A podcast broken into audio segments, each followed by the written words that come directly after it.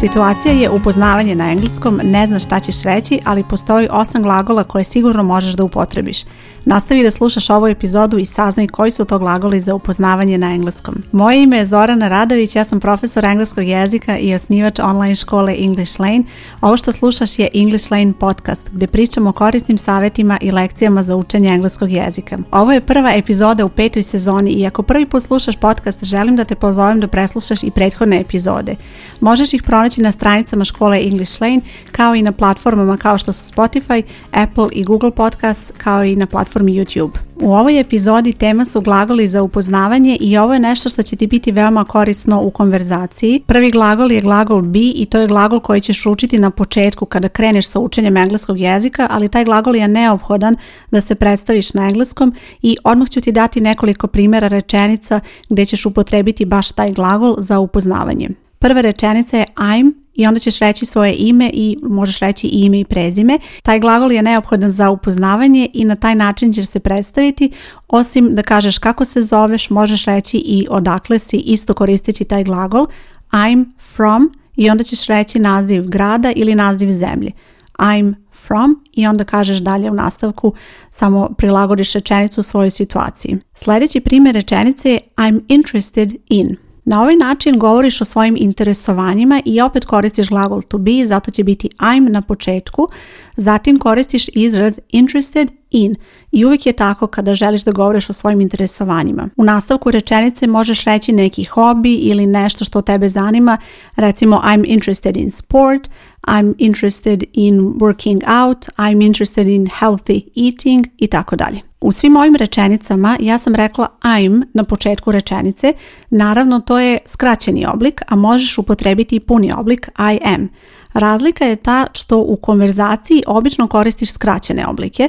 Znači kada razgovaraš sa nekim mnogo je češće da kažeš I'm umjesto I am. Za sve ove prethodne rečenice upotrebila sam sadašnje vreme i zato je oblik glagola to be taj am, a u sljedećoj rečenici upotrebit ću present perfect. I have been to. Kada želiš da kažeš da si posjetila neku zemlju, neki grad ili neko mesto, koristiš present perfect zato što govoriš o svom iskustvu. Na primjer, rečenica može da glasi I have been to Italy. Naravno, umjesto ovog I have u konverzaciji je vrlo često da čuješ skraćeni oblik I've been to Italy. Za sljedeći glagol imam nekoliko primjera gdje nikako nećeš koristiti skraćene oblike, ali želim još jednom da te podsjetim da kada je u pitanju ovaj glagol to be, vrlo često ćeš koristiti ove skraćene oblike i to baš u konverzaciji, zato što je to nešto tipično što se tako javlja što se tako prirodno koristi u govoru. I znam da će ti možda ako počinješ sa učenjem engleskog jezika biti malo teško u početku to da koristiš i bit će ti lakše da koristiš te pune oblike i da ih onako jasno izgovoriš, ali imaju u vidu da su skraćeni oblici u konverzaciji situaciji nešto čemu treba da težiš. Evo jednog glagola gdje nećeš koristiti skraćene oblike u ovim primjerima koje sam ja navela, to je glagol have. Glagol have znači imati i poslušaj odmah primjere rečenica. I have a lot of experience in. Počet ćeš rečenicu tako što ćeš reći I have, ja imam, i onda dalje nastavljaš nešto što želiš da kažeš o sebi, šta ti imaš. Ja sam ovdje dodala a lot of experience in, pa bi dodala neku temu ili možeš reći i have two cars ili možeš reći I have a lot of shoes ili I have a lot of books at home i tako dalje. Znači nešto što imaš i govoriš o sebi, koristiš glagol have i nikako ne koristiš skraćeni oblik. Ovdje bi bilo pogrešno upotrebiti I've jer u nastavku dalje nemaš jer have je ovdje zapravo glavni glagol. Sljedeći primjer rečenice je isto nešto što ćeš često koristiti u konverzaciji i poslušaj sada primjer. When I have free time, i go for a walk. Ovo je samo jedan primjer rečenice i vrlo često možeš da započneš rečenicu ovako when I have free time, a onda u nastavku nešto da prilagodiš sebi šta ti voliš da radiš u slobodno vrijeme. I onda možeš u nastavku reći I go swimming, I do yoga, i watch TV, I read books i tako dalje. Znači na ovaj način opisuješ neki svoj hobi i na taj način možeš da se upoznaš sa nekim i bliže upoznaš nekoga jer na isti način možeš i pitati nekoga za interesovanje odnosno hobije. Da postaviš pitanje malo ćeš promeniti red reči i dodati neke druge reči tako da će upitna rečenica glasiti What do you like to do in your free time? I sljedeći glagol je nešto što će ti biti neophodno kada je u pitanju upoznavanje na engleskom, zato što pre ili kasnije ćeš krenuti malo da pričaš o poslu i sljedeći glagol, glagol work, je nešto što ćeš upotrebiti i to baš u ovakvim primjerima. I work in a big company. Ovo je samo primjer rečenice kada ti treba da upotrebiš ovakve primjere, probaj da uvijek prilagodiš te rečenice sebi. Možeš reći I work in a small company, I work in a pharmacy, i work in a library. To su sve neke situacije gdje ti treba da prilagodiš rečenicu sebi, ali je bitno da na početku upotrebiš I work, odnosno vreme present simple. Osim vremena present simple koristit ćeš i present perfect vrlo često kada govoriš o svom poslu zato što govoriš o svom iskustvu i evo jednog primjera gdje će biti upotrebljeno baš to vreme. I've worked here for eight years. Ponovit ću sada rečenicu, ovo sam izgovorila skraćeni oblik, a sada ću reći i pun oblik. I have worked here for eight years. Kada izgovoriš skraćeno, vrlo često se jedva čuje to I've worked here. Možda se ne čuje nekad u konverzaciji, ali tu je, zato što je zapravo sada taj glagol have pomoćni glagol za vreme present perfect i neophodan je deo rečenice, ali može da se skrati zato što je u pitanju pomoćni glagol, a glavni glagol je glagol work. I sljedeći glagol je neophodan za situaciju upoznavanja na engleskom i ovaj glagol koristiš kada želiš da kažeš da nešto voliš, odnosno ne voliš i ovaj glagol je glagol like. Kada govoriš o tome da nešto voliš ili ne voliš, vrlo često koristiš present simple. Postoje naravno situacije kada ćeš upotrebiti neko drugo vreme, ali kada govoriš o nečemu što sada trenutno voliš, sigurno je da upotrebiš present simple, nećeš recimo koristiti present continuous, iako i to sadašnje vreme jednostavno ne koristi se u ovoj situaciji. Prva rečenica I like gardening ovo je samo jedan primjer šta voliš, znači možeš navesti neki hobi ili nešto što voliš da radiš i u nastavku možeš isto nešto da dodaš, recimo I like gardening, it relaxes me. U nastavku recimo dodaš zašto voliš to da radiš. U sljedećem primjeru imam nešto sa čim mnogi mogu da se identifikuju i vjerojatno ćeš i ti moći za sebe da ovo kažeš da ne voliš, a to je ovaj primjer. I don't like working overtime. U ovoj rečenici koristiš glagol like u odričnom obliku da kažeš da nešto ne voliš i u nastavku je working overtime, raditi prekovremeno. Working je gerund koji je upotrebljen posle glagola like i zapamti da je glagol like takav da posle njega možeš da upotrebiš gerund kao u ovoj rečenici, a možeš i da upotrebiš infinitiv sa to. To će zvučati ovako. I don't like to work overtime. I jedna i druga rečenica imaju isto značenje i gramatički su tačne, samo je to razlika u tome da li ćeš upotrebiti ili gerund ili infinitiv, a potpuno je svejedno kada pričaš u konverzaciji, znači šta je tebi lakše možeš da izabereš. I isto ovo primenjuješ i za potvrdan i za odričan oblik, recimo ako bi rekla I like working overtime ili I like to work overtime. Prethodni glagoli su ti pomogli da se predstaviš, da kažeš nešto više o sebi i šta voliš da radiš, a sljedeći glagol će ti pomoći također u situaciji upoznavanja, a pomoći će ti da kažeš nešto više o tome gdje živiš. U pitanju je glagol live. Prva rečenica glasi ovako I live in a small town.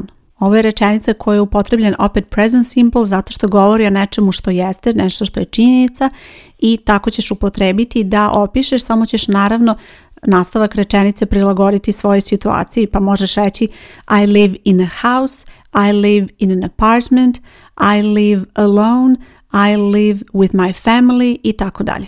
Kad smo kod ovog glagola, želim da ti skrenem pažnju na jednu grešku koja se vrlo često javlja, posebno kada neko krene sa učenjem engleskog jezika. I sada ako se vratiš na one primjere glagol to be, bilo je I'm from i to je nešto što povuče ljude da kada koriste glagol live kažu I'm live i onda daju dalje recimo I'm live in Belgrade. Vrlo često sam viđala te primjere, a to nije tačno i znam da se to dešava zbog tog glagola to be koji se prvo nauči, ali vrlo je bitno da zapamtiš da su sve ovo glagoli za sebe i da svaki glagol ima kako se gradi u kom vremenu i to je vrlo bitno da zapamtiš da bi izbjegla takve greške. To znači da bi bilo pogrešno reći I'm live, već moraš da kažeš I live. Sljedeći primjer je I've lived here since 2010. U ovoj situaciji sada koristiš present perfect vreme zato što je u pitanju situacija koja je počela u prošlosti i nastavlja se u sadašnjosti.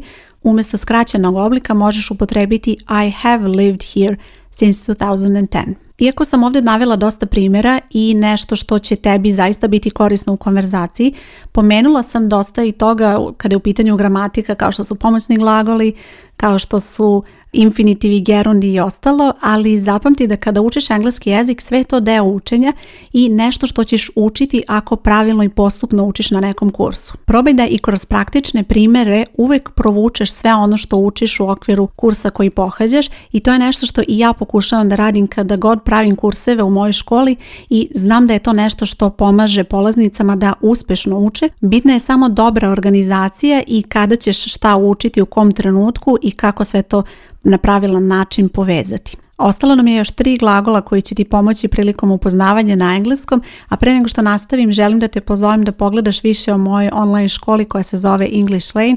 Na ovoj stranici gdje slušaš podcast bit će link ka školi ili možeš potražiti English Lane online škola i tu ćeš pronaći sve informacije kako se možeš prijaviti i krenuti sa učenjem engleskog putem interneta. Sljedeći glagol koji ne možemo da preskočimo kada je u pitanju konverzacija i upoznavanje na engleskom je glagol – meet. Ovaj glagol znači upoznati, ali također može značiti i sresti, pa je vrlo bitno da napraviš tu razliku i da unaprijed budeš svjestan da postoji ta razlika. Znači ovaj isti glagol koristiš i kada nekog upoznaješ po prvi put i kada recimo sretneš nekoga.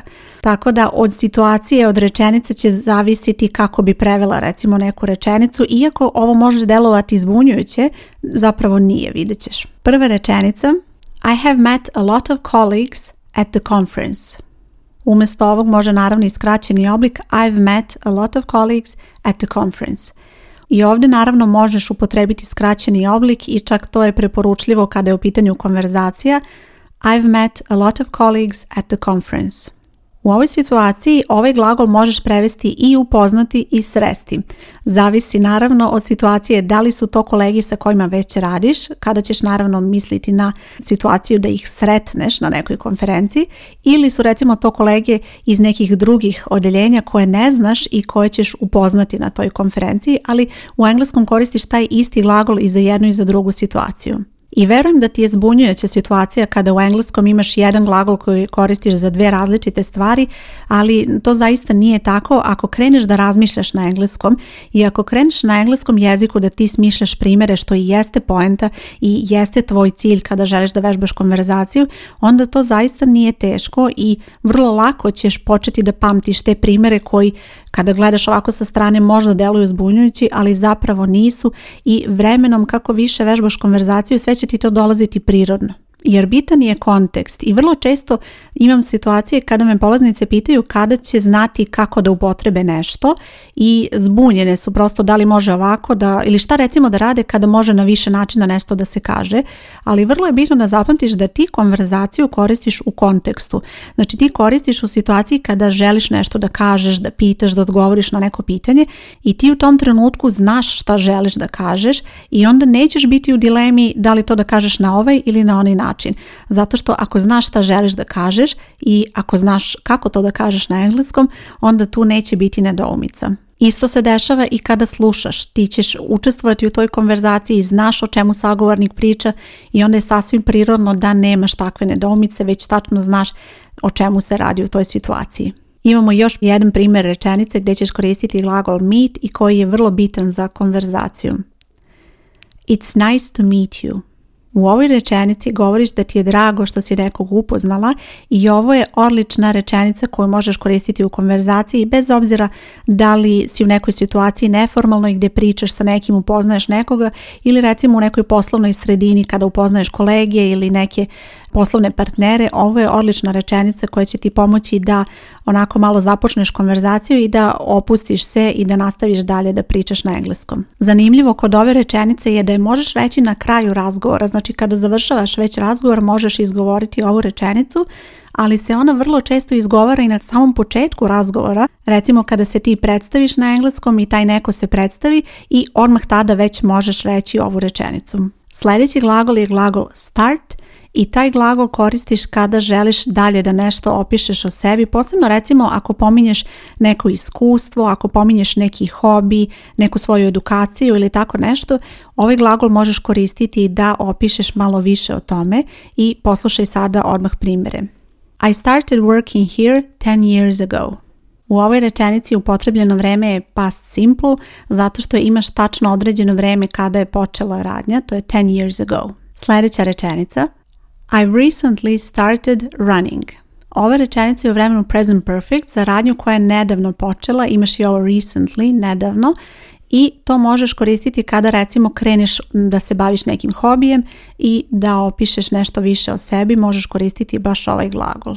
Naravno ne mora biti hobi, može biti neka aktivnost, može biti ako recimo učiš nešto novo, to su sve situacije kada možeš koristiti ovaj glagol. I posljednji glagol koji imamo za danas je jedan od onih koje sam već pomenula ranije, ali je upotrebljen u jednoj specifičnoj frazi koja je baš tipična za konverzaciju i mnogo će ti pomoći kada je u pitanju taj neki ljubazniji način kada želiš da pričaš, posebno recimo ako je u pitanju poslovna konverzacija, ovo je izraz koji će ti biti koristan. U pitanju je would like. Would like koristiš da kažeš da bi nešto želela da uradiš, da pitaš, da kažeš i tako dalje, ali je to veoma ljubazan način da to kažeš. Umesto toga možeš i vrlo često čujem da se koristi glagol want, želim da recimo nešto uradim ili kažem, ali kada je u pitanju konverzacija na engleskom, vrlo često je bitno to da budeš ljubazna i da kažeš to na što ljubazniji način, posebno kažem kad su neke situacije kao što je poslovna sredina, gdje naravno i želiš da ostaviš dobar utisak, pa je vrlo bitan taj izbor reći. U toj situaciji recimo mnogo je bolje upotrebiti would like umjesto want. Sada poslušaj tri primjera rečenica i zašto jedan od njih nikako ne smiješ koristiti. Prva rečenica je I would like to ask you something. Znači, ukoliko želiš da postaviš dodatno pitanje sagovorniku, ovo je odličan način da to uvedeš onako u razgovor i da kažeš I would like to ask you something. Druga situacija, odnosno druga rečenica gdje možeš da upotrebiš would like je ova. I would like to tell you about my experience. I ovdje možeš naravno da prilagodiš rečenicu, ovo je recimo odlična rečenica za neki poslovni razgovor ili sastanak, ali umjesto toga možeš reći dalje nešto kao što je I would like to tell you something about this car, I would like to tell you something about this book i tako dalje. I na kraju došli smo do primjera koji ne smeš da upotrebiš, odnosno ne smeš da izgovoriš zato što ova rečenica nije gramatički tačna, a glasi ovako – i would like telling you about my experience. Odmah ću ti objasniti zašto dolazi do ove greške. Ja sam prethodnu rečenicu rekla I would like to tell you about my experience. I ako se prisjetiš glagola like, setit ćeš se da posle glagola like možeš da upotrebiš gerund ili infinitiv. Znači možeš reći like to run ili like running. Međutim, to pravilo ne važi za would like. To znači da u nastavku posle would like ne možeš da upotrebiš gerund, odnosno to nije gramatički pravilno, već mora da bude tu plus infinitiv. Još jednom rečenica koja nije tačna, I would like telling you about my experience, to nije tačno, tačno je I would like to tell you about my experience. Još jednom ću ponoviti na kraju, znači kada je u pitanju tema upoznavanja, vrlo su bitni ovi glagoli koje sam pomenula i bitan je način na koji ćeš ih uklopiti u rečenicu, obrati pažnju na vremena koje sam ja upotrebila, obrati pažnju da koristiš skraćene oblike i obrati pažnju da uvek u nastavku prilagodiš rečenicu sebi i svojoj situaciji. Za kraj imam i jedan praktičan zadatak za tebe. Probaj sada da i ti napišeš nekoliko rečenica o sebi koristeći ove glagole. Naravno, slobodno se vrati, preslušaj primere koje sam ja izgovorila i probaj da ih prilagodiš svojoj situaciji. Znači, umjesto onog nastavka rečenice napiši nešto što je adekvatno u tvojoj situaciji i probaj da vidiš kako bi te rečenice zvučale kada bi bila ti u situaciji da upoznaješ nekoga i da želiš da kažeš nešto više o sebi na engleskom jeziku. Nadam se da su ti ovi primjeri bili korisni i da će ti pomoći u situaciji kada upoznaješ nekoga. Ja sam Zorana Radović, hvala ti što slušaš podcast i čujemo se u sljedećoj epizodi. Ćao!